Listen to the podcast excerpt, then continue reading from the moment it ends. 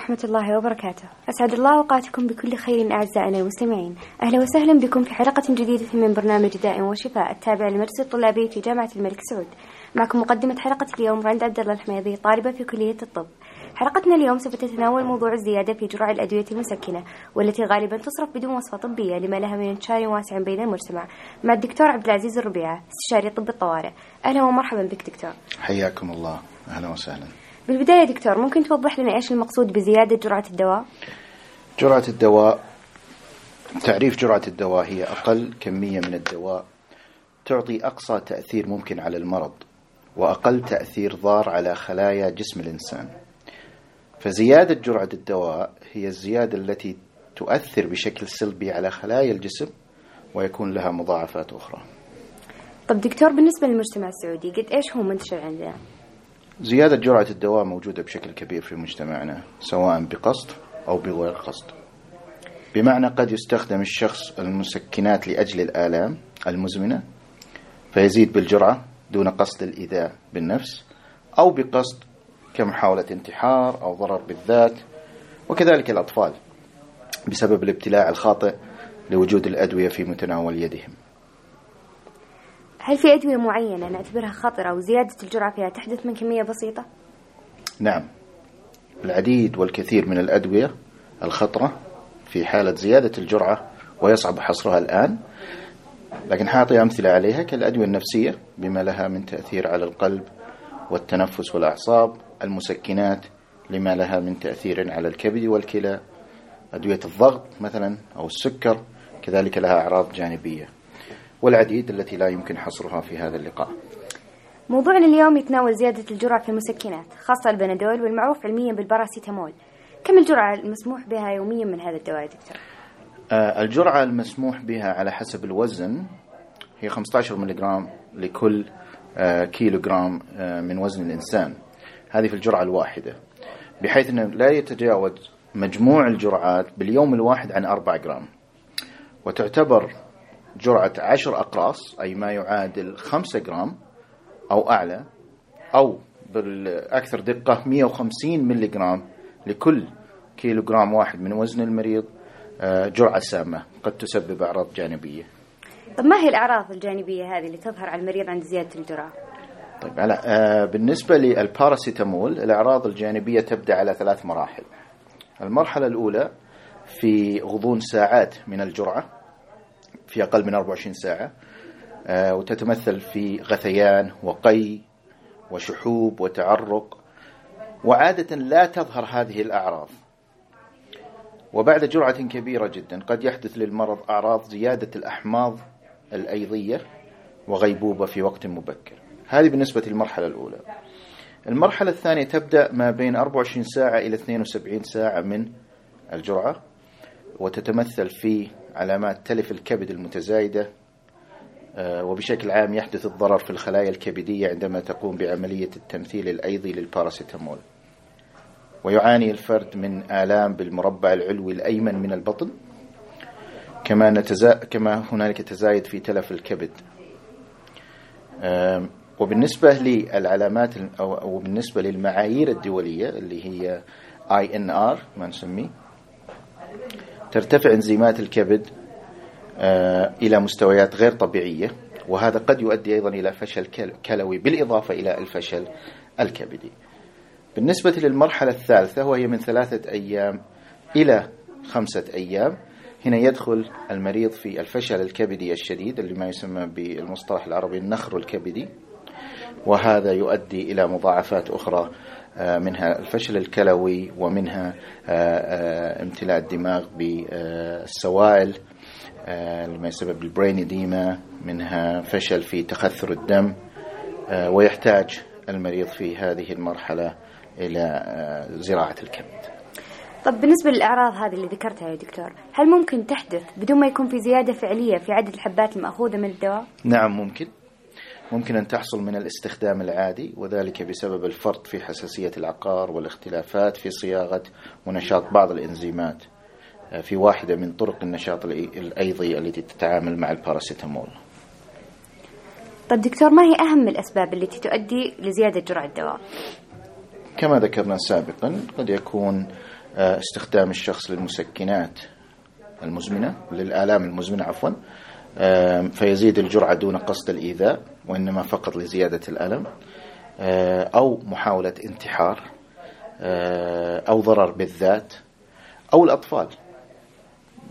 عجبتها علبة الدواء قام أخذها وهو دون قصد الإيذاء تمام.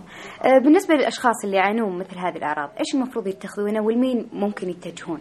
طبعا في حالة التعرض لمثل هذه الأعراض ننصح بالتوجه لأقرب قسم طوارئ لدى المريض. آه، أو الاتصال بالرقم الموحد لوزارة الصحة 937 937 لأخذ التوجيه الصحيح من خلالهم ولا ننصح بأي إجراء غير ذلك كتناول حليب أو محاولة قي أو إلى أو ما شابه ذلك. وفي حالة زيادة الجرعة طب يا دكتور إيش الإجراءات والفحوصات اللي نقدر نقول عنها الروتينية ممكن يجريها الطبيب له بحيث يتأكد من التشخيص؟ نبدأ أول في عند عند حضور المريض إلى قسم طب الطوارئ نبدأ بقياس العلامات الحيوية قياس مستوى السكر في الدم قياس مستوى الباراسيتامول في الدم ووضعه في مقياس بياني آه، يسمى مقياس روماك ماثيو آه، يقدر مخاطر السمية على أساس تركيز الباراسيتامول في الدم. في عدد معين من الساعات بعد ابتلاع العلاج لتحديد مخاطر المخاطر المحتملة للكبد. آه، وذلك بعد أربع ساعات من الابتلاع. قد تت... قد تكون الأدلة السريرية أو البيوكيميائية على سمية الكبد خلال يوم إلى أربع أيام وفي حالة شديدة قد تتضح خلال 12 ساعة. طيب دكتور في محاولة فهم أكثر لطبيعة زيادة جرعة الأدوية هل يمكن علاجهم تماما بحيث يتخلصون من جميع الأعراض؟ نعم يمكن علاجهم تماما إذا لم تكن الجرعة الزائدة لدرجة تسب أنها سببت فشل كبدي مباشر وإذا تم بداية العلاج اللازم خلال فترة المحددة مبكرا وبالتحديد خلال ثمان ساعات الأولى آه، آه، من ظهور الأعراض فهذه بإذن الله حيكون فيها العلاج التام وكيف يتم العلاج؟ ما هي الوسائل؟ نبدأ في البداية بتطهير المعدة وذلك عن طريق الفحم المنشط فيبتلع المريض آه، جرعة من الفحم المنشط بما يعادل 50 جرام للوزن أو 50 جرام بشكل عام. وهذا خلال أول 60 دقيقة بحد أقصى 120 دقيقة من ابتلاع الدواء ويمنع الفحم المنشط امتصاص الباراسيتامول من الجهاز الهضمي. آه، الدواء الثاني الذي يستخدم هو N-acetylcysteine وهذا يعمل على الحد من سمية الباراسيتامول خلال الثمان ساعات الأولى بنسبة 100% تقريبا. آه، فيقلل من سمية الكبد ويقلل من النخر الكبدي الحاد والموت. آه، كما يمكن أن يعطى بعد ثمان ساعات ولكن فعاليته تقل بعد ذلك. آه، الحاجة الثالثة وهي المرحلة الأخيرة جدا اللي هي زراعة الكبد في حال الوصول للمريض للفشل الكلوي أو الكبدي. لا قدر الله. طب بالنسبة للأطفال يا دكتور ذكرت سابقا أنهم قد يتناولون أدوية بالخطأ. ما هو العلاج المتبع؟ وهل هو في فرق بالطريقة المتبعة بينهم وبين الكبار؟ الأطفال يعالجون بنفس الطريقة التي يعالج فيها الكبار. ما لا يوجد أي اختلاف.